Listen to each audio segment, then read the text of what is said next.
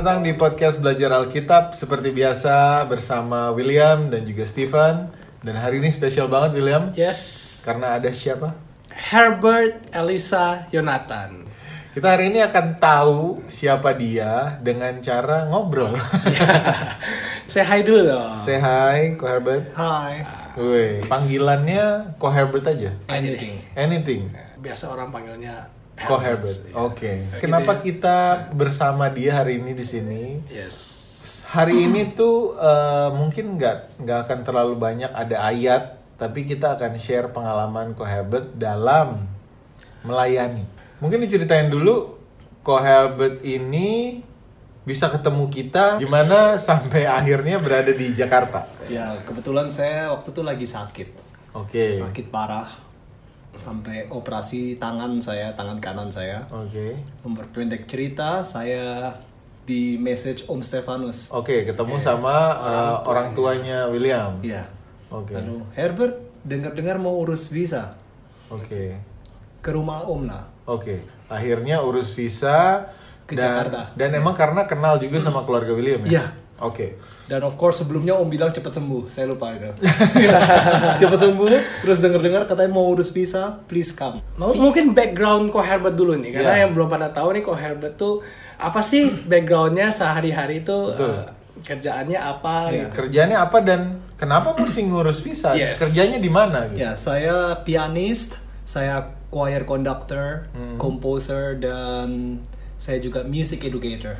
Music educator. Ya, Kerjanya di mana? saya kerja di China Oke. dan saya ada panggilan dari tahun dua tahun lalu Mhm. untuk fully give my service pelayanan saya ke negara ini. Oke. Ah, Oke. Negara yang sangat besar, yang sangat tertutup untuk pekerjaan Tuhan. Hmm. dan di negara ini tidak semua orang bisa share pekabaran Tuhan. Bahkan orang dalam pun sangat terhambat. Oke. mereka punya batasan yang sangat luar biasa. Jadi pemimpin-pemimpin dari tempat mereka tidak bisa share ke daerah lain. Oke. mereka cuma bisa share di pulpit mereka. Daerahnya masing-masing. iya. Oke. Dan kenapa kita sampai panggil Ko Herbert buat ngomong di sini? Karena kita pingin denger nih gimana perjuangan di sana kok bisa sampai ada calling terus kok dari musician professional kok bisa sampai kepanggil ke pelayanan itu apa sih yang motivate dia sampai go beyond gitu loh sampai keluar dari comfort zone-nya dia untuk melayani Tuhan. Kan ini sebenarnya kalau Sorry. Nih, Ko Herbert nih kebetulan lagi sakit, lagi batuk. Jadi maaf kalau dia batuk-batuk, tapi nggak apa-apa. Yang yang menarik di sini adalah tadi Ko Herbert bilang dua tahun sebelum ini ada panggilan untuk melayani di negara tersebut, ya kan? Nah tadinya itu domisilinya di di Jakarta atau di negara lain atau seperti apa? di negara lain di Di- Thailand Oh tadinya di Thailand Ya, juga. saya enam tahun mission field di Thailand juga Oke. Thailand. dan di situ under organization Oke. Oke. Jadi under organization untuk melayani di Thailand, tapi through music. ya Karena memang kemampuannya, keahliannya, talentnya Ya. dari music. Oke, sampai akhirnya ke China. Nah, ke China ini bekerja di sana, Ya, sekarang kerja di sana. bekerja di sana. Terus apakah ini karena panggilan atau apa kok bisa sampai jauh banget gitu ke Ya, China? apa disuruh sekarang Ya. ke China gitu? Ya, benar. Exciting sebenarnya. Setiap saya pergi ke tempat mana, itu ada dorongan hati. Saya nggak bisa secara gampang bilangnya seperti apa ya? Seperti vision. Hmm. Vision, tapi saya kalau ngomong gini kan dipikir orang aneh. Punya vision. Tapi saya emang ada vision. Oh, saya bakal ke negara ini. Eh, pasti ke sana. Oh. Oke. bukan untuk jalan-jalan saya tapi karena Tuhan panggil contohnya saya dulu se- sebelum kerja Oke. sorry sebelum tamat sebelum saya tamat saya ada panggilan saya bakal pergi ke tempat yang saya nggak kenal dan jauh dari keramaian eh bener sebelum saya tamat ada yang panggil let's go serve God melayani Tuhan di Oceania di Palau saya pergi ke Palau lalu saya juga ada hal Pa- Palau ini di di mana nih lebih te tepatnya? dekat Fiji Oh, Dekat Fiji. Kepulauan Fiji. Iya, negara Oke. kepulauan yang yang sangat kecil. Kecil, iya. Dan saya juga ada hati nurani untuk memperpendek cerita sebelum saya tamat, dulu saya punya choir, saya punya tour, saya bawa mereka pergi. Kita istilahnya pergi ke Thailand dan di Thailand tiba-tiba ada hati nurani bilang saya bakal ngajar di Thailand. Oke. Saya pikir ah apaan sih nih hati nurani hati nurani ini ini atau ya? vision ini Ya, ada yang- mungkin ini bohongan. Eh nggak lama bener habis saya kerja di Thailand, saya dapat email dari universitas, Oke. sorry, dari universitas email saya, Mhm. Herbert kita butuh guru musik Oh, di universitas kita yang di Thailand. oke. Kita sangat butuh. Can you come Mhm. to serve us? Bisakah kamu datang dan melayani kita di sini? Dan saya juga kaget loh, bener ternyata saya ke Thailand. Wow. Jadi memang ke mana pun saya mau melayani, Tuhan sudah prepare pikiran saya jauh sebelumnya. Untuk ke sana. Dan dan kalau aku nggak salah aku pernah dengar bahwa choirnya itu malah sempet diundang ke pemerintahan Thailand atau raja Thailand. Oh, gitu. itu itu choir yang masih di Filipina. Oh, oke. Saya sambil sekolah sambil Uh, ngajar. ngajar and Iya. then bring the choir ke Iya. Thailand untuk waktu itu ke Thailand untuk serve. Jadi waktu itu kita pernah tour ke empat negara. Oke. By God's grace kita dapat harga yang sangat murah selama sebulan ke empat negara dan termasuk ke Indonesia Um, di Thailand tuh sempet perform di depan apa? di rumah dari Royal Family di Thailand. Wow. Oke. Di invite. Biasa. So after Thailand langsung ada ada panggilan lagi tuh. Maksudnya ada pemikiran lagi bahwa oh ternyata habis ini China. Ya, jadi sebelum saya putus kontrak, saya ada panggilan kuat bilang China need your help. Hmm. Tapi belum tahu bagian mana gitu. nggak tahu. Just take notice. Jadi saya notice oh iya saya perhatikan ini memang China sangat butuh ya. Saya research dan saya akhirnya doakan saya mau dipakai Tuhan. Saya cuma pikir saya mau datang sebagai visiting pro- professor Ke dan, China ya? dan membawa student saya Oke. dan sebenarnya hampir tidak mungkin bisa ada namanya pelayanan dengan membawa banyak student ke China. Berapa student waktu itu dibawa ke China? Pertama tour pertama 18, Oke. tour kedua I think 24. Oh. 24. It's really impossible. Dan itu pakai visa apa turis gitu Visa ya. turis dan istilahnya kasarnya bilang mereka kecolongan. Mereka nggak pernah merasa wah kok ada orang melayani bisa masuk dan mereka izinkan. Hmm. Dan kita melayani banyak kota dengan mujizat yang banyak sampai bagaimanapun juga mereka buat peraturan akhirnya mereka yang rubah peraturannya. Oh. Um, pemerintahnya rubah peraturannya dan mengizinkan kita melayani di mana pun saja.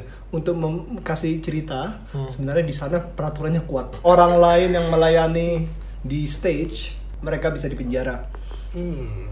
Tapi ini pengalamannya selama Herbert Tour nggak ada tuh halangan itu. ya. Oke. kita diizinkan kita dimata-matai kita sempet di tour kedua. Di tour kedua ke mana pun kita pergi kita diikutin.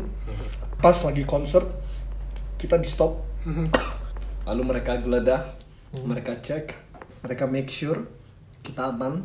Hmm. akhirnya kita diizinkan nyanyi lagi sambil mereka tetap pantau. Lalu sambil kita dipantau mereka mendengarkan kita nyanyi mereka bilang wah lagunya enak banget.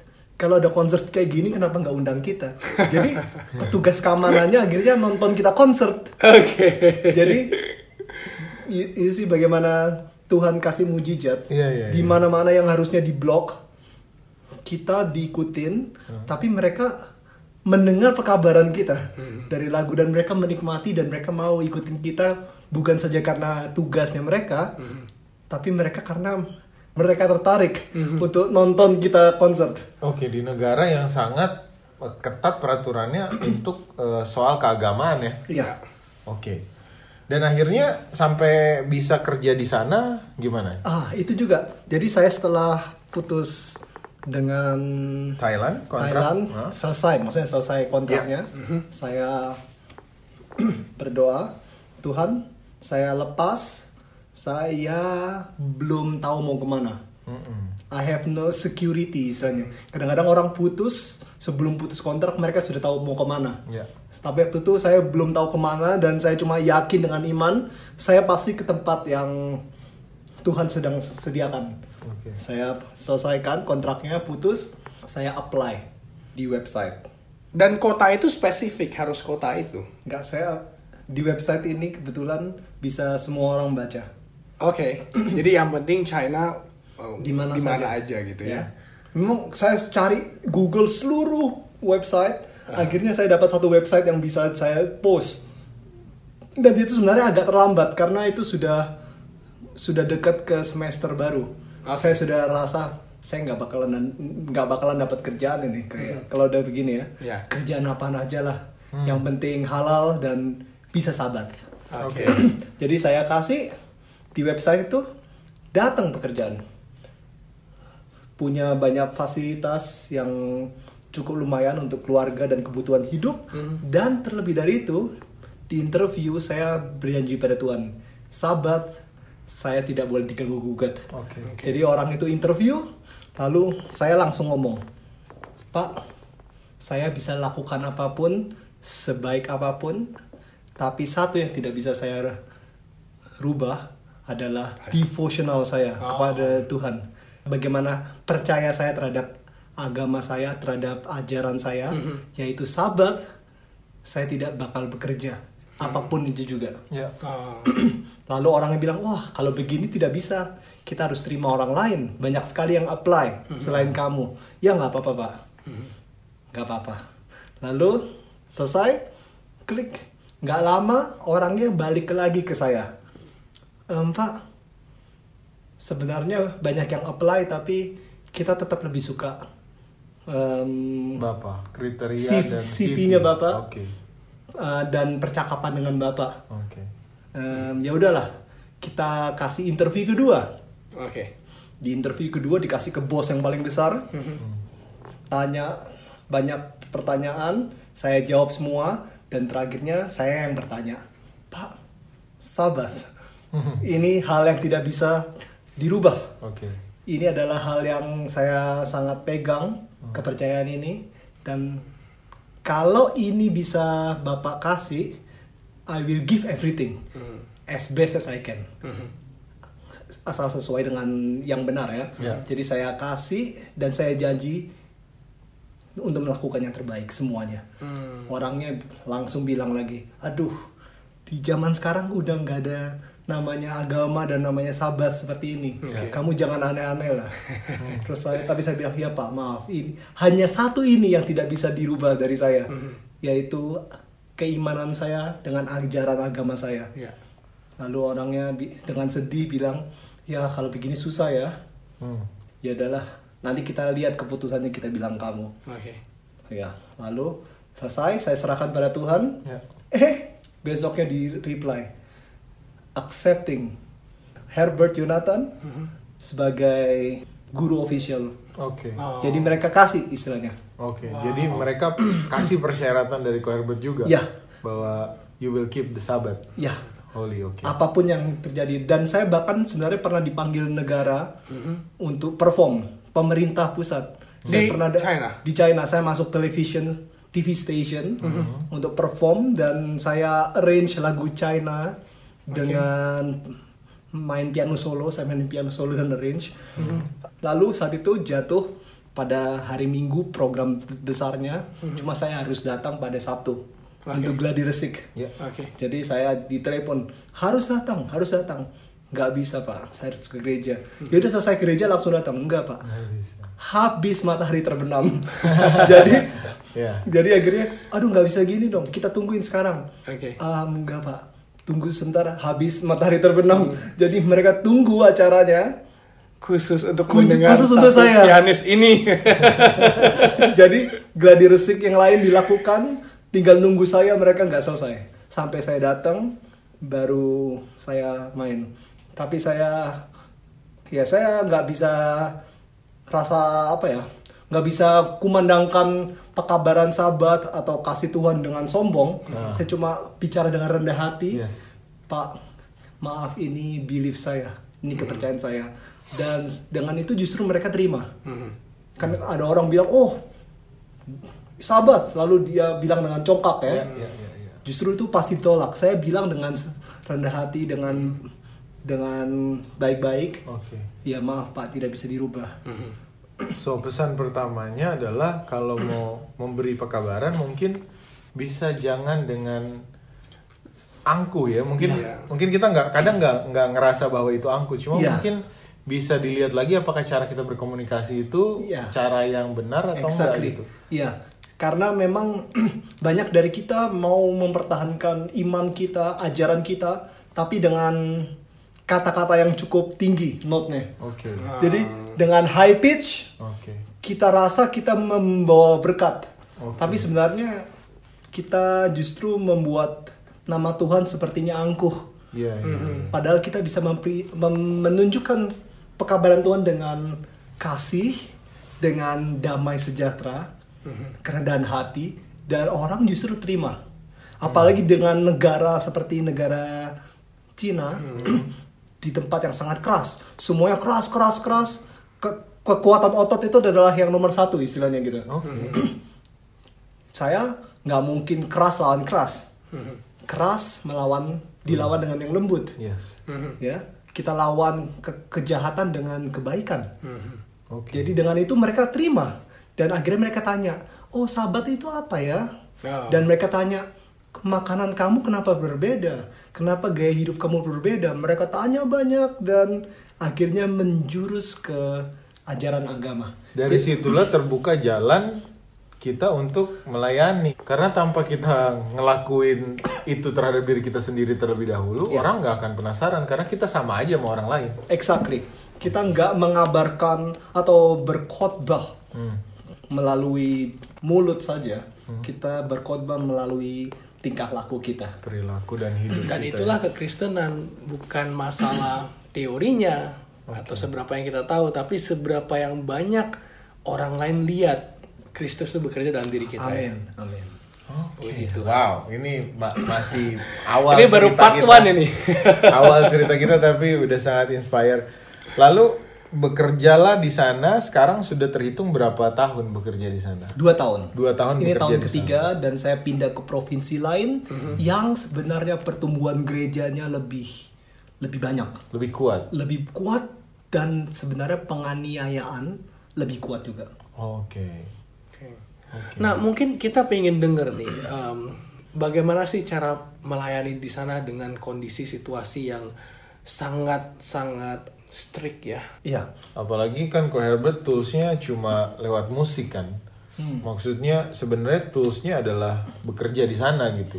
Pasti cakupannya, pasti cakupannya sebenarnya lumayan sedikit. Tapi gimana caranya akhirnya melayani perlahan-lahan di sana? Ya, memang benar. Satu, memang hanya Tuhan yang bisa kasih kita em, bantuan. Oke. Em, hanya Tuhan yang bisa membantu kita, maksud saya. Karena bagaimanapun cara trik-trik pelayanan, kalau tidak ada Roh Kudus, percuma. Dan- Jadi otak itu, logika itu, is not the first thing gitu yes, Tuhan bisa merubah logika yang sebenarnya lo masuk akal, tapi Tuhan rubah karena Tuhan tahu jangan dulu. Logika ini bukan yang terbaik untuk dilakukan saat itu juga. Contohnya, saya punya satu murid, dia suka ngobat? Hmm. terus mukanya kayak beler gitu ya. Ini ngajarin anak umur berapa di sana?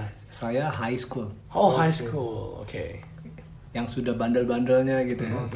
Lalu dia suka main Metallica, lagu-lagu Metallica. Oke. Istilahnya udah kayak dihipnotis lah pikirannya. Lalu dia dia suatu hari melihat saya main piano dan saya ngajar. Entah kenapa tiba-tiba dia kasih pertanyaan yang nggak masuk akal.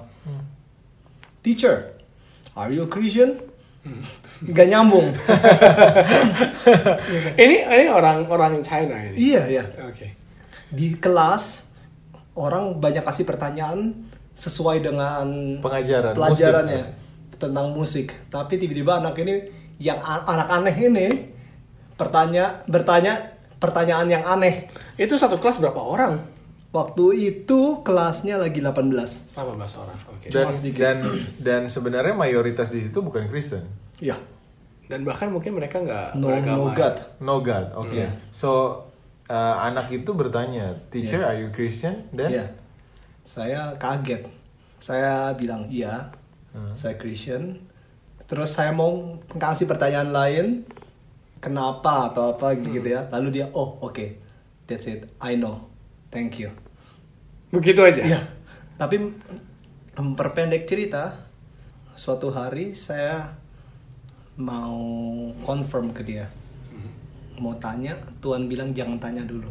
Hmm, jangan, Jangan tanya kenapa kamu tanya pertanyaan Iya. itu gitu ya. Biarkan dia biarkan dia, jangan ditanya apa-apa. Mhm. Ya.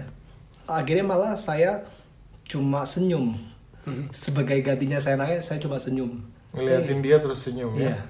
How is your life? Bagaimana kabarmu? Hmm. Lalu dia yang cerita akhirnya. Saya punya masalah. Dicerita A, B, C, D, E, E, F. Dan saya punya masalah ini ini masalah keluarga saya. Lalu dia maki-maki lah tuh semua keluarganya dengan kata-kata kasar atau apa.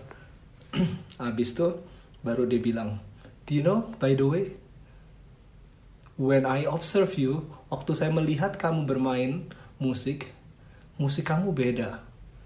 Dan saya rasa musik-musik kamu musik gereja karena saya pernah dengar musik gereja nggak sengaja dan musik gereja ini agak beda dengan musik yang saya sering dengar dan saya yakin kamu orang Kristen. Wow. Dan jadi dia yang buka dulu. Dan ternyata untuk memperpendek cerita, saya kenapa saya bilang ini berkat Tuhan, saya nggak ngomong dulu. Hmm. Kalau orang ngomong ke dia, dia langsung tutup. Tutup pintu ya. Iya. Tapi dia orangnya kalau di care dengan how are you, that's it. Dia langsung cerita semua masalahnya. Dengan peduli padahal hanya senyum dan ya, senyum dan hanya kabar you. aja ya. Iya. Oke. Kalau kita tanya balik kenapa kamu bertanya pertanyaan itu atau apa, saya harusnya mau nanya pertanyaan itu ya. Dia pasti Langsung reject. tutup pintu Iya. ya pasti. Karena personalitinya sangat defensif. Mhm. Tapi begitu kita coba tanya how are you, how is your life dengan senyum, dia akhirnya cerita Hmm. dan akhirnya dia buka semua masalahnya dan akhirnya kita bisa punya Ngobrol. TikTok. Oke. Dan intinya untuk memperpendek cerita, dia terima Tuhan. Wow. Iya, Jadi untuk dia- memperpendek cerita semua. Dia sekarang sudah baca Alkitab begitu? Yes, at least dia membuat lagu untuk gereja. Wow. Dia membuat lagu untuk Tuhan, dia bilang, dia message saya. Jadi dia anak Metallica, dia pinter main gitar, tapi akhirnya dia membuat lagu sekarang untuk Tuhan. Dengan gaya Metallica atau dengan Saya kurang tahu, tapi dia bilang saya membuat lagu untuk Tuhan Oke. Dan beberapa dari lagu ini nanti saya mau share lihat atau dengar ya. Jadi dia akan tunjukkan ke saya nanti, tapi dia memang sedang membuat Oke. lagu-lagu untuk Tuhan. Oke. Itu tuh itu satu cerita, baru satu dari anak itu. Jadi bagaimana saya kasih contoh pelayanan di sana tuh bukan dengan logik, tapi dengan dengan Roh Kudus saya cuma bisa bilang karena teknik apa pun percuma dan saya juga terbatas dengan bahasa. Oke. Saya nggak bisa ngomong bahasanya mereka dengan baik. Saya cuma bisa kasih bahasa simple yang percakapan. Kalau mereka tanya balik, matilah saya. Nggak bisa jawab kan. Iya. Jadi saya cuma bisa smile tapi saya butuh translation. Waktu belajar Alkitab dengan anak itu, itu menggunakan translator gitu. Enggak, kebetulan anak, anak itu bisa bahasa Inggris. Oh. Karena sekolah bahasa Inggris. Oke, international school Ya. ya. Everyone should speak English di sana. Hmm. Oke. Oke. Wow. Jadi itu, itu hanya cerita satu anak aja Satu sebenarnya. anak, iya. Da- Dan pengalaman di sana lebih ke melayaninya berarti secara personal ya. Personal. Satu-satu iya. banget ya. Tapi begini, ini yang bagus di sana. Ini berkat juga. Bagi orang di China, guru adalah second after parents. Jadi begitu mereka lihat guru dihormati. Ngomong apalah guru, kita akan dengar. Walaupun kita nggak terima sebenarnya, tapi kita akan dengar. Jadi saya punya somehow pengaruh untuk reach mereka. karena posisi saya sebagai guru dan mereka hormati itu apalagi saya punya connection personally dengan murid-murid Hmm. dan orang luar Ya. orang di gereja dari setiap gereja mereka tahu saya saya melayani di tempat mereka mengajar mereka dan mereka punya connection yang kuat. Jadi dengan connection yang kuat dan sikap yang decent yang sikap yang bisa ken- communicate ke mereka Ya. mereka lebih kasih lagi. Dan mereka mungkin akan listen everything yang saya kasih. Karena kita punya connection dari kehidupan sehari-hari. Jadi memang kita tidak bisa kasih semua logic kita atau pemikiran kita kalau kita nggak bisa connect ke orang itu tersendiri. Benar, benar. Kalau kita tidak punya connection dari hati ke hati dulu, ya kan? Makanya orang mau connection melalui pikiran, tapi mereka sebenarnya nggak trust each other, nggak bisa. Ya Oke. build love, build relationship. Dari situ baru saya kasih pikirannya ke mereka. Kalau tidak ada connection, entah apa pun kita apa kabarkan, orang nggak bakal masuk ke dalam hati. Mereka cuma masuk dalam telinga kiri keluar telinga kanan. Oke. Contohnya saya punya banyak murid yang dekat pada saya bermain-main deket aja. Akhirnya mereka bilang, Sir, kamu ini seperti orang tua saya. You are my father. Oh terima kasih. Saya bilang terima kasih. Jadi apa yang saya bisa bantu? What can I help? If you think I am your father. Mereka bilang, just tell me anything. Oh. Jadi mereka bilang, bilanglah apa pun pada saya, and I will follow, dan saya akan ikutin kamu. Um, saya bilang, I I cannot say anything, God will say anything. Jadi saya masukin ke arti Iya. Tuhan. Oh God, what is God? God, you don't know what is who is God? Hmm. Saya bilang, oke, let's sit down, mari duduk. Dan akhirnya pembicaraan pun dimulai gitu ya. Ya. Jadi dari situ, oh itu arti Tuhan. Tapi kasih logik contohnya. Saya bilang, kamu tahu meja ini ada yang membuat kan? Yes. Nggak mungkin ada tiba-tiba meja. Kamu tahu musik, pasti ada komposer yang buat.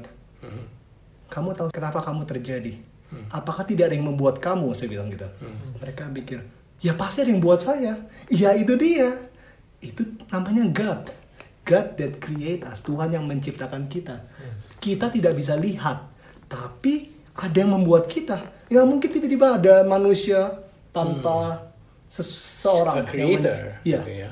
baru mereka masuk akal oh ini ya that makes sense mereka bilang masuk akal jadi kita masuk ke pikirannya sekarang Oke. dan besoknya dia langsung datang ke gereja Langsung datang ke gereja. ikut-ikutan sebenarnya dia nggak percaya gereja cuma dia ikut-ikutan ah Mr. Herbert suka ke gereja gua ke gereja lah gitu Oke. jadi asal bukan dari motif yang benar tapi mungkin dari situ Oke. Ya. Tuhan arahkan ya. Jadi dia malah beli di toko-toko I love Jesus. Bajunya di bawahnya I love Jesus. Ada dijual itu. Iya, nggak tahu dia dapat dari mana. Sebenarnya karena cuma dia sayang pada saya. Hmm. Akhirnya di jalan ke mana-mana lalu dia kabarkan pada teman-temannya, hey man, I'm the follower of Jesus. Come, let's go with me. Jadi dia ajarkan yang lain-lain. Iya, dan akhirnya ada teman, ada ini lucu juga dia membawa teman-teman lain. Ayo kita buat karaoke. Karaoke di Mr. Herbert's kelas. Di kelas Mr. Herbert. Lalu dia bawa. Lalu oh mereka suka nyanyi kan. Wah asik ya karaoke bareng. Saya sengaja buka pintu. Jadi waktu istirahat mereka adalah waktu karaoke. Oke. Akhirnya, hey guys, let's sing. Mr. Herbert will teach you how to sing. Mr. Herbert akan ajarkan kamu menyanyi. Ayo datang. Akhirnya bertambah teman-temannya itu dibawain semua. Akhirnya ya nyanyi-nyanyi. Ah. Terus ada satu orang ikut, wow, I love Jesus, I love Jesus. Tanya, tanya ke saya lagi. So what is Jesus? Saya jelaskan. Kalau ini orangnya sangat logikal. Ya. Akhirnya saya jelaskan, memperpendek cerita puji Tuhan, dia sampai sekarang habisin Alkitab. Sekarang mereka dia sudah sampai buku Wahyu. Dan mungkin itu itu adalah reaksi yang sangat innocent ya. Ya. Karena karena memang nggak kenal sama sekali, memang gak ngerti sama sekali. Jadi pada saat pertama kali masuk ke dalam pikirannya, akhirnya eh, apa ya? Akhirnya punya banyak pertanyaan juga. Ini ini ini apa? Ini kenapa? Ini siapa? Terus kenapa mesti percaya apa segala macam itu Ya. bertambah-tambah akhirnya Ya. pertanyaan itu. Dan lucunya mereka yang kabarkan orang lain, saya, saya sebenarnya yang takut. Karena saya takut-takut ada apa, saya yang diusir kan. Yes, yes. Diusir dan tidak bisa melayani di sana jadi Iya, ya. bukan di sana. Iya, nggak bisa melayani di China malah takutnya. Takut di di su atau di apa. Tapi akhirnya mereka yang protect. No, no, no, no. This is my belief. Dia di, sempat murid-murid ini dimarahin gurunya. Kamu jangan ngomong-ngomong tentang agama lah di tempat lain. Enggak, enggak, Pak. Ini kenyataannya hidup. Ini hal yang benar. Bapak duduk lah, saya ajarin. Jadi Wow. muridnya yang keras untuk ngajarin lalu murid ini ngajarin ke orang tua mereka atau apa banyak yes, yes. of course ditolak orang tuanya pikir apaan sih ini orang aneh oke you just sit down and study kata orang tuanya jangan jangan belajar Tapi hal-hal untungnya aneh orang tuanya nggak nggak pernah gitu ke sekolah terus marah-marah ke prinsipalnya ini kok anak saya jadi belajar Ya. ini gitu.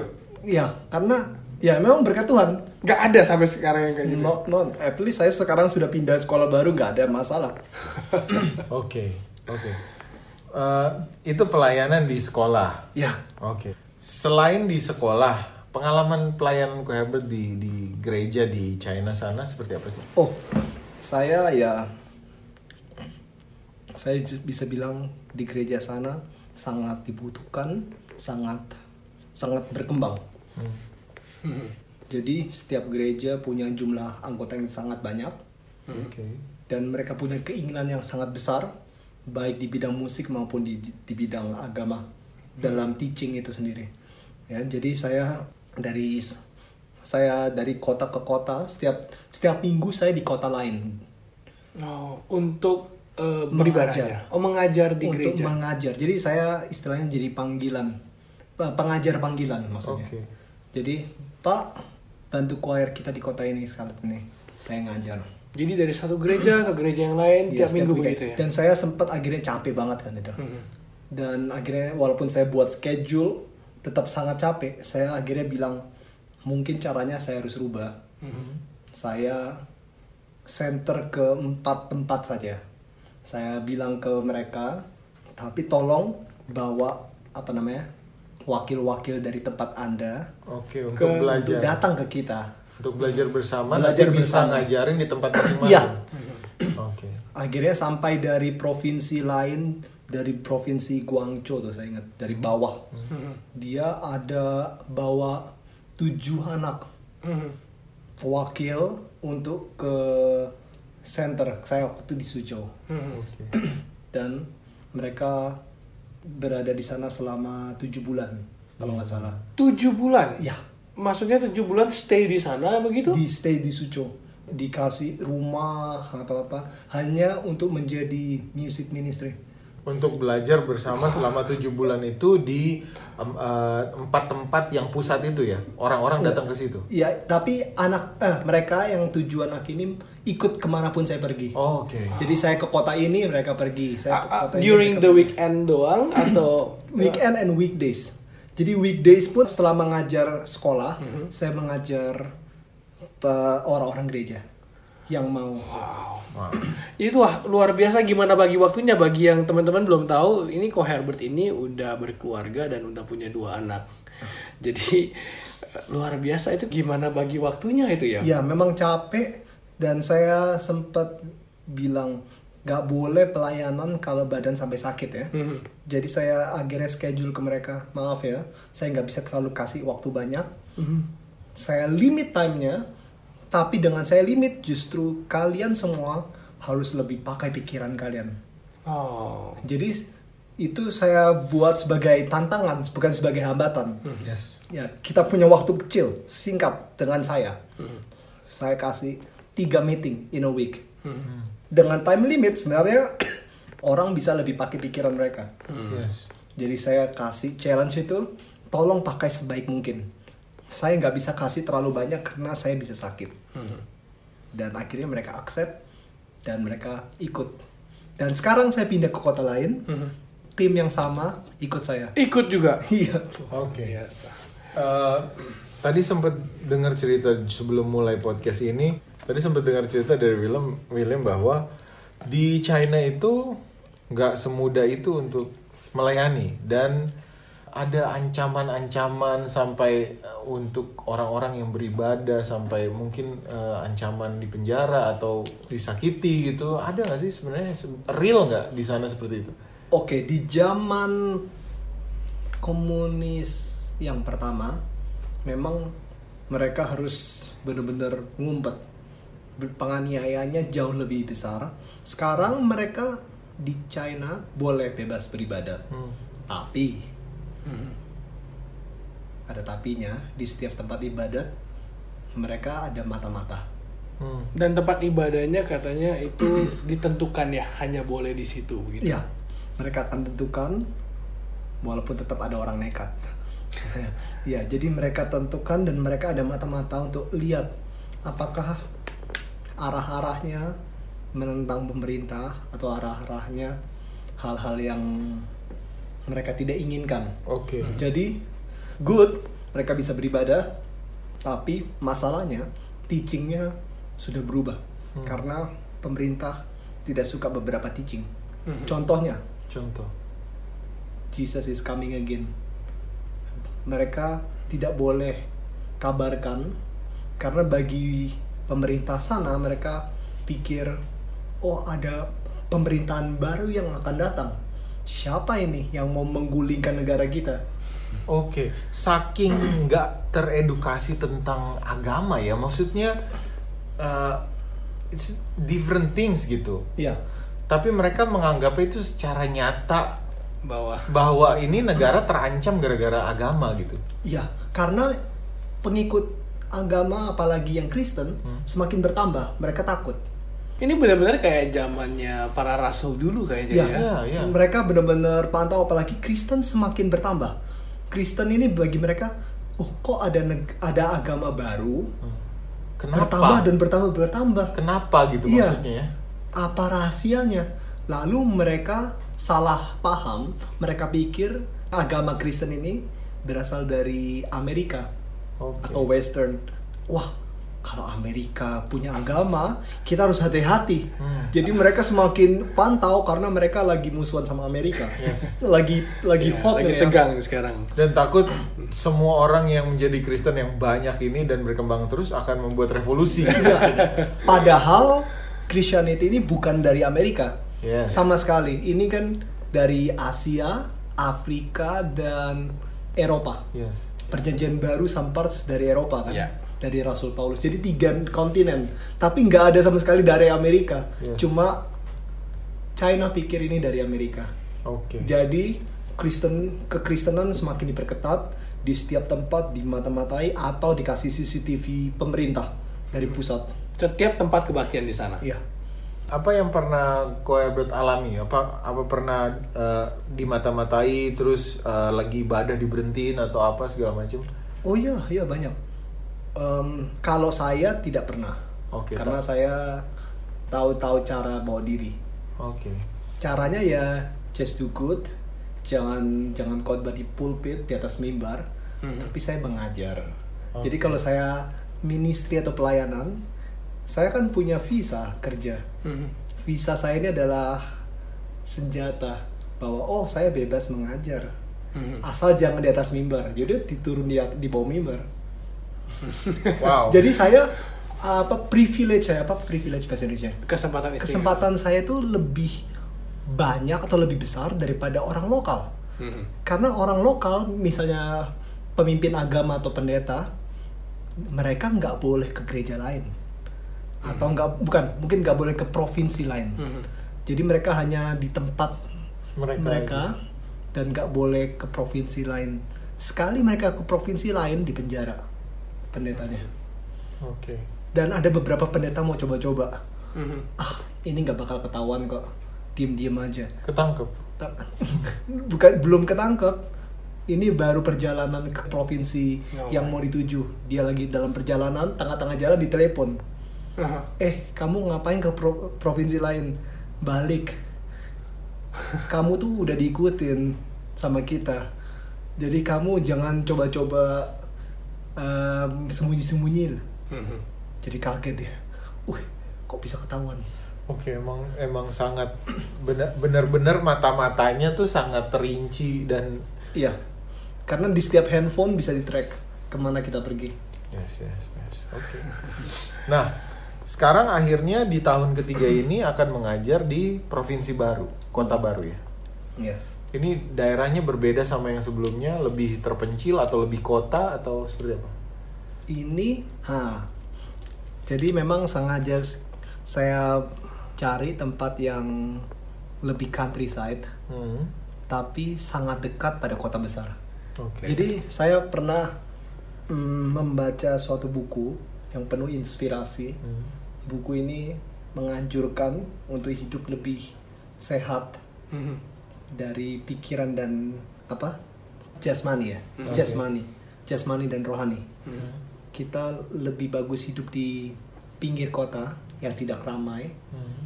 di mana kita bisa bangun keluarga kita kesehatan kita tapi kita bisa membantu penginjilan ke kota yang besar Hmm. jadi memang tempatnya kebetulan sangat strategis tempat saya itu tempat yang sangat alami banyak banyak gunung banyak danau. Pohon.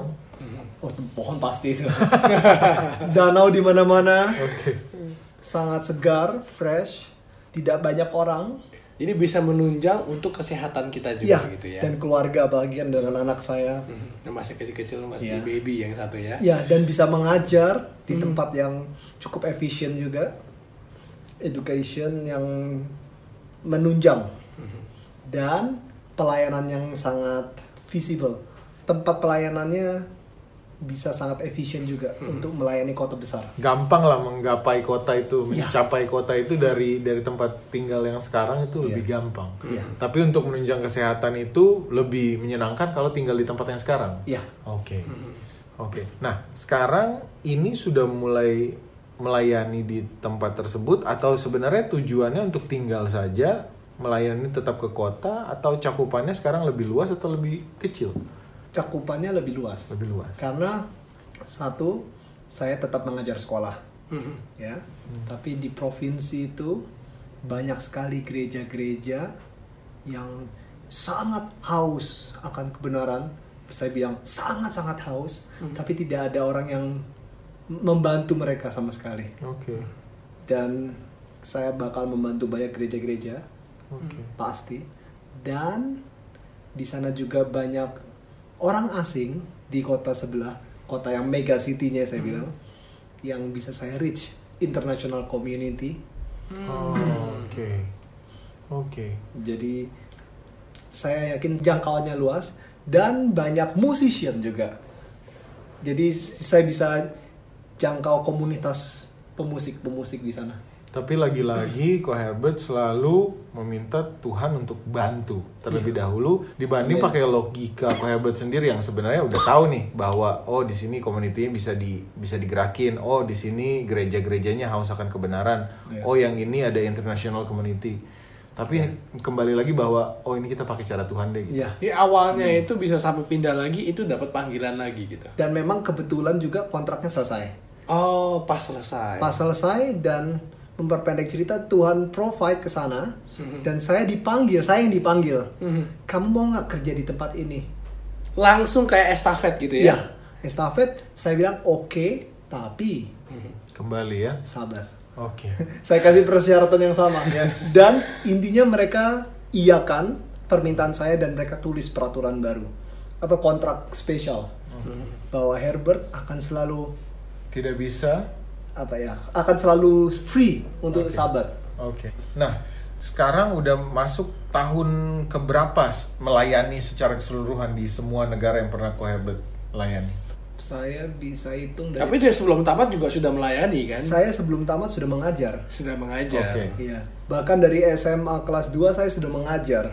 Oke. Mengajar Alkitab ya? Mengajar menga- Alkitab, mengajar menyanyi. Mengajar Alkitab dan mengajar musik dua-duanya ya? Iya. Untuk eh, untuk gereja atau untuk, Untuk- community? Untuk ke gereja dan community. Oke. Dan eh, berapa tahun total sampai sekarang?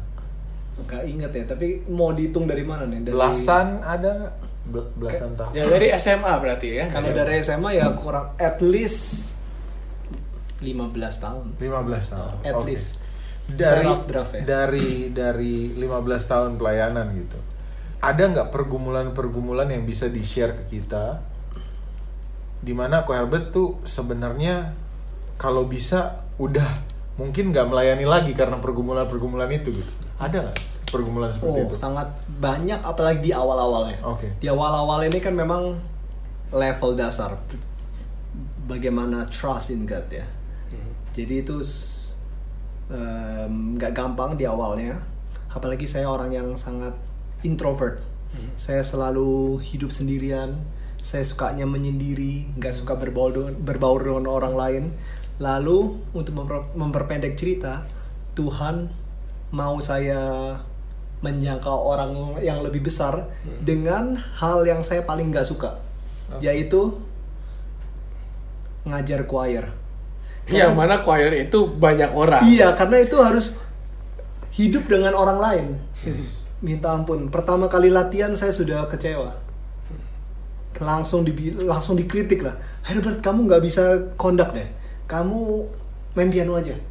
Itu udah itu hari pertama sudah dicaci maki. Lalu dibilang, "Ah, Herbert tangannya kak kayak kayak apa ya namanya? Kayak robot." Namanya Herbert the Iron Hand dan saya masih ingat sampai sekarang. Karena Wow. dulu katanya sempat eh, latihan kungfu dulu ya. Iya, karena tangan saya sangat keras, mereka ledekin, mending ledekinnya di eh, di depan saya. Ledekinnya diem-diem lagi di belakang. Oke. Lihat tuh, Mr. Iron Hand, hahaha diketawain. Biasa mainnya sama batu bata soalnya, pecahin bata ya. Iya, tapi kan istilahnya dalam hati saya, gila ini temen gua gak nyangka malah diledekin gitu kan Iya, iya. istilahnya. Bukannya dibantuin. Jadi kan saya sakit hati dia. Lalu saya kasih semuanya, saya sampai bela-belain yaudahlah. Kalau Tuhan memang panggil saya untuk mengajar orang banyak melalui choir, saya belajar walaupun saya nggak suka. Saya tinggalkan pianonya beberapa saat. Hmm. Saya give the best, saya latihan sebaik mungkin, saya kasih waktu dan uang saya untuk belajar ke universitas di mana banyak guru-guru hebat apa saya invest tuh benar-benar untuk belajar conducting belajar memimpin dan semakin saya invest yang saya dapatkan adalah lebih banyak maki-makian lebih banyak em, kata-kata untuk menurunkan saya. Udah nggak usah lah jelek. Lo udahlah. Ngom- ngomongnya aja kayak ngomong orang Jawa mendok-mendok mana bisa mimpin?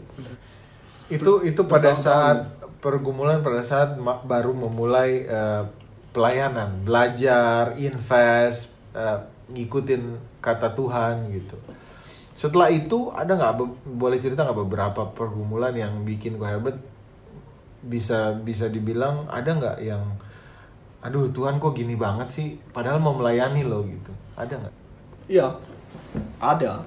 Tapi lebih di sekitar music ministry juga. oke Karena di music ministry ini saya cukup per- apa ya? Saya bilang saya orang yang sangat perfectionist by nature. Saya sangat berambisi. Hmm. Walaupun ambisi ini baik, tapi ada juga salahnya ya. kurangnya gitu ya Iya. negatif Memang untuk Tuhan, ambisi yang baik untuk Tuhan, Oke. bagi kita baik. Tapi tetap aja ada ambisinya sebenarnya. Yes. Jadi saya serve God dengan hati yang sangat tulus. Tapi ambisius. Iya, tapi tulus ini nggak nggak nggak cukup. Kan harus dengan cara yang benar ya. Iya. Dan saya nggak tahu nanti nantinya baru saya tahu. Oh, saya masih ada pride-nya. Contohnya kalau orang maki, orang ceca, dan saya sedih, berarti apa? Self. Kenapa saya sedih? Kan kita lihatnya ke self gitu ya, Iya. bukan lihat ke Tuhan. Saya baru sadar, oke, memang celaan-celaan ini mungkin membuat saya lebih bagus untuk introspeksi. Mungkin saya memang nggak bagus gitu. Hmm. Coba terima aja atau pelajari kalau memang mereka benar, saya rubah. Kalau mereka salah, ya ya udah lewatin aja. Dan saya ya saya struggle lebih ke relationship karena tidak ada orang yang bisa menyakiti saya kecuali pikiran saya Mhm. tapi pikiran saya ini tidak bisa disakiti kecuali hal-hal yang bersifat um, relationship. Contohnya kalau orang yang dekat pada saya membuat saya sedih, saya langsung sakit. Hmm. Saya perasa banget ya. Oke. Jadi setan tahu kelebihan dan kekurangan saya. Dan kekurangannya selalu dicecar terus Iya. gitu ya. Dan setan sengaja pancing itu orang-orang yang terdekat, teman-teman saya, kadang-kadang malah keluarga. Kan kadang-kadang dengan keluarga bisa lebih berantem gitu ya contohnya. Jadi saya oh kecewa banget ini. Kok mau melayani Tuhan semakin banyak masalah orang-orang yang terdekat itu. Jadinya ya of course banyak masalah-masalah lain contohnya finansial nggak ada duit ini pelayanan kepada Tuhan bagaimana Tuhan kita mau tour mau melayani mau mengajar tapi tidak ada dana tapi Tuhan selalu buka jalan selalu ada orang-orang yang tiba-tiba buka. Klik. Yes kita akan kasih. Bisa. kita akan bantu. Bahkan ada apa? Yang di China itu sempat cerita dulu kan waktu ada tiba-tiba orang yang kasih Iya. uang itu coba mungkin boleh diceritain. Ya ini saya pernah juga ya ini memang saya bilang ke Tuhan Tuhan kalau memang Tuhan mau kita ke China. Dan saya ada panggilan keras kita harus ke China bukan karena saya mau tunjukin choir kita hebat none at all. Tapi karena Tuhan yang mendorong Tuhan yang berbicara pada saya Herbert bawa mereka sebagai contoh. Contoh bagaimana melayani. Jadi saya bawa tapi Tuhan gak ada duit. Sekolah kita tidak punya duit, tidak punya dana untuk membantu, dan kita punya banyak member yang tidak punya duit. Mereka semua miskin-miskin, dan bahkan saya membayarin mereka dengan uang saya yang pas-pasan. Saya bayarin mereka untuk buat paspor, untuk Dan segala macamnya ya. ya belum bajunya, baju winter kan mereka akan pergi ke tempat yang sangat dingin, Hmm. musim dingin itu kan minus 20 Hmm.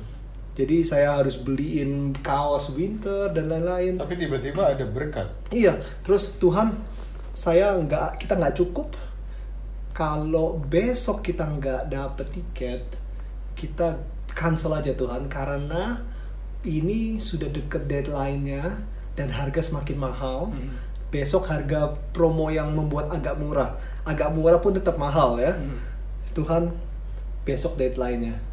Kalau kita pergi ke China Utara dengan train, member pasti capek. Mereka sakit, winter. Saya nggak mau Tuhan. Kita butuh pesawat. Hmm. Jadi, tolonglah kita butuh uang. Hmm. Kurang lebih waktu itu 400 ribu baht. Sangat, banyak di zaman itu. Akhirnya besok, Tuhan jawab, ada ibu-ibu Hmm. yang adalah yang sekarang adalah mertua saya. Hmm. Dulu bukan mertua, cuma teman biasa, Oke. ya. Ibu ini suatu hari pergi membantu orang di pinggir jalan. Akhirnya ibu ini yang adalah mertua saya membantu dia pulang ke rumahnya. Hmm. Akhirnya orang ini terjamah, aduh, terima kasih banyak ya. Itu kejadiannya uh, mertuanya lagi di China itu. Di China dan tidak ada relation sama sekali Dan dengan ini. sementara grup ini di Thailand gitu ya, ya. Kita lagi di Thailand dan Wow. kita tidak punya connection apa-apa. Lalu dia ibu-ibu ini terjamah hatinya. Oke bu, saya sudah tua. Hmm. Saya sebenarnya punya banyak tabungan. Hmm. Lalu mertua saya, waktu itu belum mertua Iya. saya ya, dia kaget. Oh, benar? Kamu kelihatan sebagai orang yang sangat miskin. Kamu punya banyak tabungan. Hmm. Apakah benar oh iya saya benar-benar punya tabungan banyak. Dan saya emang mau kasih siapa pun. Ibu-ibu perlu apa? Saya mau kasih nih semua ke ibu. Oh enggak enggak saya nggak perlu. Jadi ibu ini yang adalah mertua saya saya bisa bilang ibu Chang lah.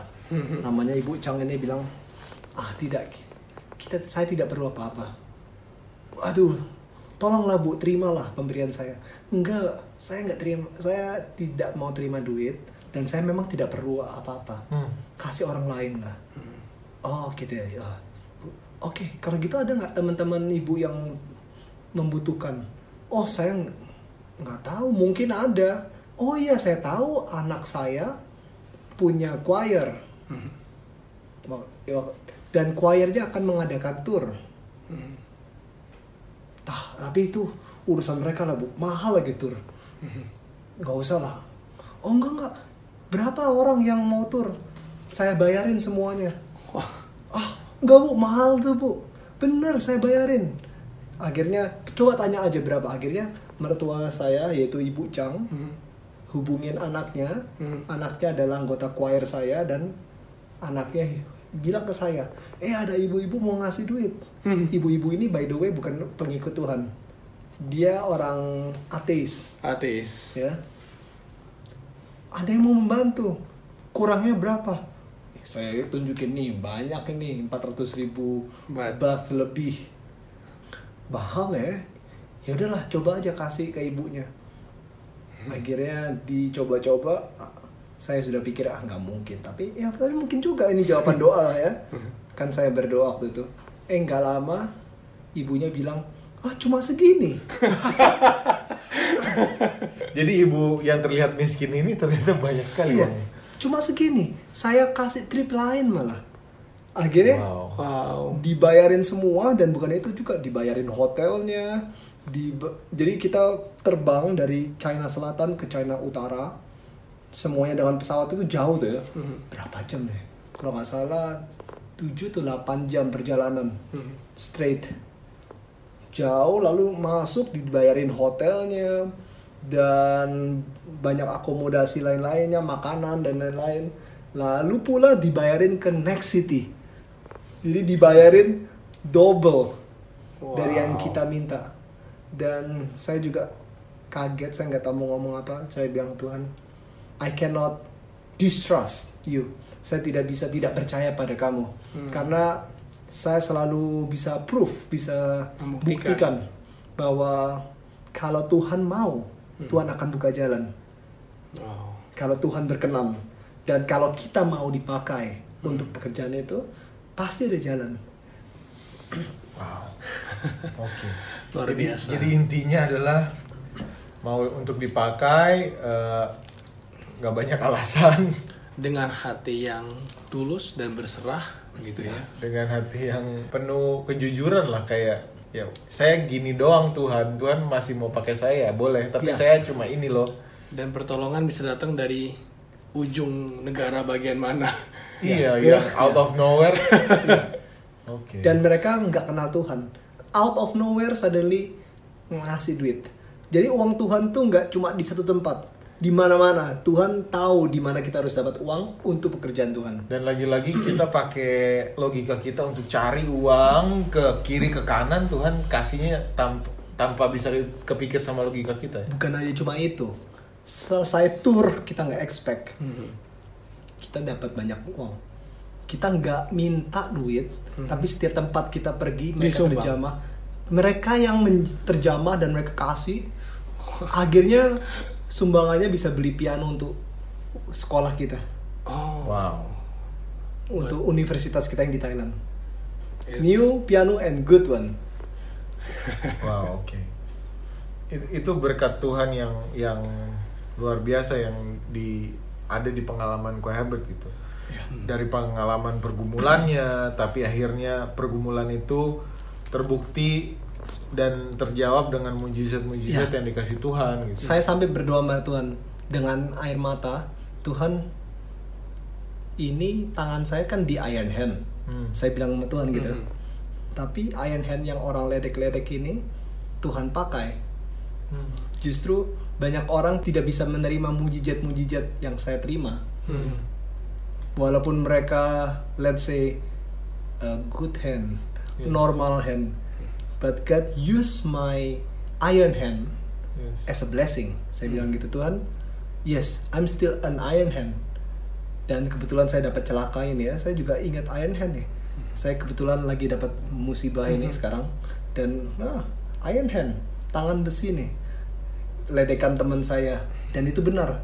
Tangan besi ini adalah ar- punya arti yang dalam yaitu saya punya limitation. Mhm. Saya Yes. tidak punya kemampuan, tapi Tuhan bisa membuat iron hand atau limitation ini menjadi berkat. Mhm. Ya, jadi Iron Hand bisa mem- membawa choir banyak choir untuk tour untuk pekerjaan Tuhan. Puji Tuhan. Ya, dan orang terjamah di sana dan studentnya juga punya pengalaman mereka akhirnya. Mereka punya pengalaman bahwa memang benar ada Tuhan. Jadi mereka pun turut merasakan Yes. bagaimana Tuhan memberkati kalau mereka mau melayani Tuhan. Dengan sungguh-sungguh. Ya, jadi apa blessings itu ke mana-mana. Hmm. itu pengalaman dari melayani, pergumulan dari melayani, berkat dari melayani. Nah sekarang kita mungkin lebih ke personal Ko Herbert sendiri. Kalau dalam kehidupan sehari-hari, mungkin bekerja, kehidupan keluarga, pergumulan apa yang yang tetap dicoba sama si setan untuk untuk ke Herbert? Seperti apa sih? Ya, saya punya banyak hal-hal yang aneh Oke. terjadi. Contohnya. Contohnya ya ini, saya dari bulan April jatuh simple, jatuh keselio biasa. Mhm. Jatuh keselio biasa. Ini kejadian di China ya? Di China. Di uh, di mana? Di Suzhou. di Suzhou. Mhm. Ya, ini ini yang saya banyak sekali cuma saya kasih satu aja ya. Saya jatuh hal simple, jatuh keselio Di sakit, tangan kanannya ya? Ya, lalu saya ke rumah sakit besoknya Mhm. untuk di X-ray. No problem. Di treat biasa eksternalnya Hmm. dikasih Perban. perban, dikasih dibalut, dikasih minyak gosok atau apa. And get worse. Semakin jelek, jelek, jelek dan bengkak, bengkak, bengkak. Lalu treat lagi ke dokter lain. Biasa harusnya sembuh pada keselio biasa, tapi semakin besar lagi, akhirnya sangat besar sampai infeksi busuk Di dalam ya? di dalam Di tangannya, di pergelangan tangannya. Iya. Dan waktu dikeluarkan terlambat, infeksinya mudah Memakan. memakan tulang. Eh, mungkin dari samping sini sepertiga, tapi dari arah sini sudah bolong. Dari Dari pusat tengahnya. pergelangan tangan atas dan bawah sudah nggak ada tulang. Mhm. Oke. Padahal ini pusat kemampuan saya untuk bermain piano, yaitu di pergelangan tangan. Mhm. Tenaga semua pusatnya dari Dan itu pergelangan tangan kanan yang biasa main melodi ya. Iya. Oke. lalu di treat dan akhirnya dokter bilang ya ini parah banget ini bisa kambuh kapan saja Dan malah sempat difonis you gonna lose the the ability. the ability of the right hand gitu kamu ya. tidak akan bisa main piano lagi. Mungkin ini bisa datang seumur hidup. Dan bukan cuma satu dokter banyak dokter yang bilang penyakit ini penyakit langka dan di treatnya bahaya. Ah, bukan bahaya susah gampang-gampang susah. Kelihatannya gampang dibuang bakterinya dioperasi lalu tapi bakterinya bisa ngumpet Dan infeksinya bisa kembali lagi. bisa kembali lagi. Kapan pun bisa kambuh. Jadi saya dua kali sudah dioperasi. Saya sampai Jakarta untuk ngurus visa kambuh lagi. Dan dioperasi lagi. operasi lagi.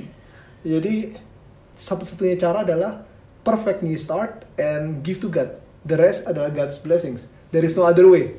Dokter sudah ya dokter bisa han- handle tapi dokter juga lepas tangan. Karena ini bisa Bisa datang. kambuh kapan Bisa aja, kambuh bisa aja. datang kapan aja. Oke. Jadi aneh ya, gini penyakitnya datang pada saat saya benar-benar mau selesaikan pekerjaan saya di Suzhou. Jadi Ya. setan tahu ini saat yang terbaik untuk menjatuhkan saya. Mhm. Pas saya sudah mau menghabiskan ministry saya di Suzhou. Mhm. Lalu pas pindah-pindah dan saya punya anak kedua, Ya. saya tangannya lagi kacau begini. Dan itu kan baru lahir berapa bulan itu ya? Iya, anak saya yang sekarang dua bulan. Dua bulan. Jadi dengan keadaan itu dan saya punya anak satu lagi dua tahun. Dua tahun. Jadi sangat susah dan pindah-pindah rumah dengan satu tangan. Jadi memang keadaannya sangat susah dan lucunya lagi masalah visa sekarang. Ya. Contohnya visa saya sudah dapat invitation dari government di China, Hmm. accepted, invitation letter dikasih Mhm. dan itu harusnya surat formal karena dari gov- government. Yes. Lalu government eh bukan China embassy tolak Mhm. karena dibilang suratnya surat palsu. Saya bilang, aneh. Padahal Ini itu surat genuine, itu ini original. surat asli. Mhm. saya tulis balik surat tolong dicek Mhm. ke sana karena dari foreign affairs-nya di China ini surat asli Ya.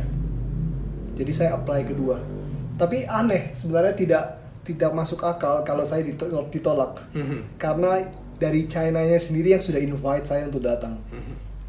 entah kenapa Tuhan punya maksud mengizinkan semua terjadi mungkin Tuhan mau memperlama saya di Indonesia karena alasan penyembuhan atau alasan lain saya kurang tahu cuma saya yakin seaneh apa pun keadaan God is in charge Tapi at least ada satu reason yang kuat karena seharusnya hari ini Ko Herbert sudah berangkat dan sudah beli tiket ke China. Oh harusnya nggak nggak ada di podcast Jadi ini. harusnya podcast ini nggak ada. Em, kita kan mau rekaman kemarin ya sebenarnya. Iya. Cuman Terus kita eh, eh, maunya hari ini tapi baru tahu kan oh kalau hari ini sebenarnya Ko Herbert udah pergi. Eh tiba-tiba karena itu ditolak eh, beberapa hari lagi ada jawabannya dan akhirnya kita bisa rekam podcast ini dan malah bisa jadi blessing buat teman-teman juga yang belum tahu. Dan mungkin ada satu blessings lagi yang gua sendiri bisa saksikan dengan mata kepala sendiri. Jadi waktu Ko Herbert datang sekitar satu setengah bulan lalu ya, itu dengan tangan kanan yang masih diperban sangat besar. Em, itu sebelum operasi kedua, itu jari nggak bisa digerakin sama sekali. Dan em, waktu itu masih ingat masih sempat sempat main piano dengan semangat ya dengan kondisi kayak gitu satu tangan tangan kiri. Tapi sekarang waktu kita lagi ngerekam podcast ini, tadi saking semangatnya bisa kelihatan tangan kanannya udah mengepal sendiri gitu. Yes. Saking Puji semangat. Ya kita terus berdoa supaya ini visanya em, akan keluar dalam beberapa hari lagi ya, Ya. bisa melanjutkan pelayanan dan supaya tangannya jadi tulang yang sudah hilang itu kata dokter bisa eh, pelan-pelan itu bisa tumbuh kembali gitu ya. Oke, semoga kesembuhannya ya sempurna. Dapat berkat dari Tuhan juga untuk Dan tadi sore itu udah bisa main dua tangan lagi loh. Wow, puji Tuhan puji Tuhan. Puji Tuhan. Oke. Ya mungkin pesan-pesan buat kita atau teman-teman yang lagi dengerin untuk dalam pelayanan atau mungkin dalam pertumbuhan kerohanian. Jadi apa message yang bisa disampaikan? Saya sebenarnya ingat satu ayat di Matius 23 ayat 11 berbunyi He that is greatest among you shall be your servant. Mereka yang mau menjadi terbesar Terbesar. di antara kamu harus menjadi pelayan, Jadi hamba. hamba. Ya. Em, saya suka ayat ini karena ini bisa dipakai di dunia apa pun juga. Kunci sukses dalam melayani sebagai servant, sebagai hamba Tuhan.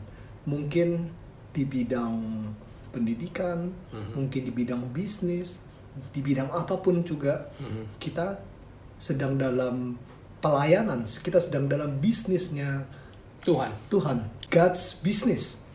Sukses ada di mata Tuhan. Kita cuma dipanggil untuk setia, Mhm.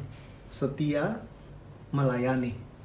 Jadi dalam segala apa namanya field yang kita punya, kalau kita punya konsep kita bekerja bukan karena terpaksa, kita bekerja karena kita suka melayani, Mhm. itu suksesnya akan datang Mhm. dengan sendirinya itu pasti karena Tuhan yang menjanjikannya mau menjadi yang terbesar harus menjadi pelayan Menjadi, Menjadi hamba. kecil. ya servant kalau bahasa Inggrisnya Ya. Mung- mungkin bahasa Indonesia hamba tapi hamba ini dalam konteks service melayani Melayani. jadi itu yang bisa saya bagikan mau menjadi sukses setia dalam pelayanan pelayanan pada Tuhan dan sesama kita Amin. love God the first Mhm. Kasih pada Tuhan adalah nomor satu lalu kedua apa love your neighbor Kasih kepada sesama. sesama as we love ourselves seperti kita mengasihi diri kita berarti yang kedua ini apa equal setara kita kasih orang lain seperti kita mengasihi diri kita Hmm. punya paralel jadi Tuhan nomor satu kedua adalah melayani orang lain dan Seperti kita melayani diri sendiri. melayani atau membantu kita juga. Hmm. Semoga ini menjadi kekuatan bagi semua yang mendengar memiliki jiwa untuk melayani karena tidak bakal rugi. di bagaimanapun juga melayani tidak bakal rugi. Dan berkatnya yang membantu atau membayar adalah Tuhan. Amin. Amin. Amin. Oke deh. Wow. Ah, Podcast yang hari ini sangat inspire dan walaupun ini mungkin jadi podcast kita yang paling panjang, tapi terima kasih sekali Ko Albert udah udah sharing dan semoga pelayanannya di mana pun Ko Albert melayani bisa menjangkau banyak jiwa gitu dan Amin. mengabarkan kebenaran Tuhan. Thank you. ya.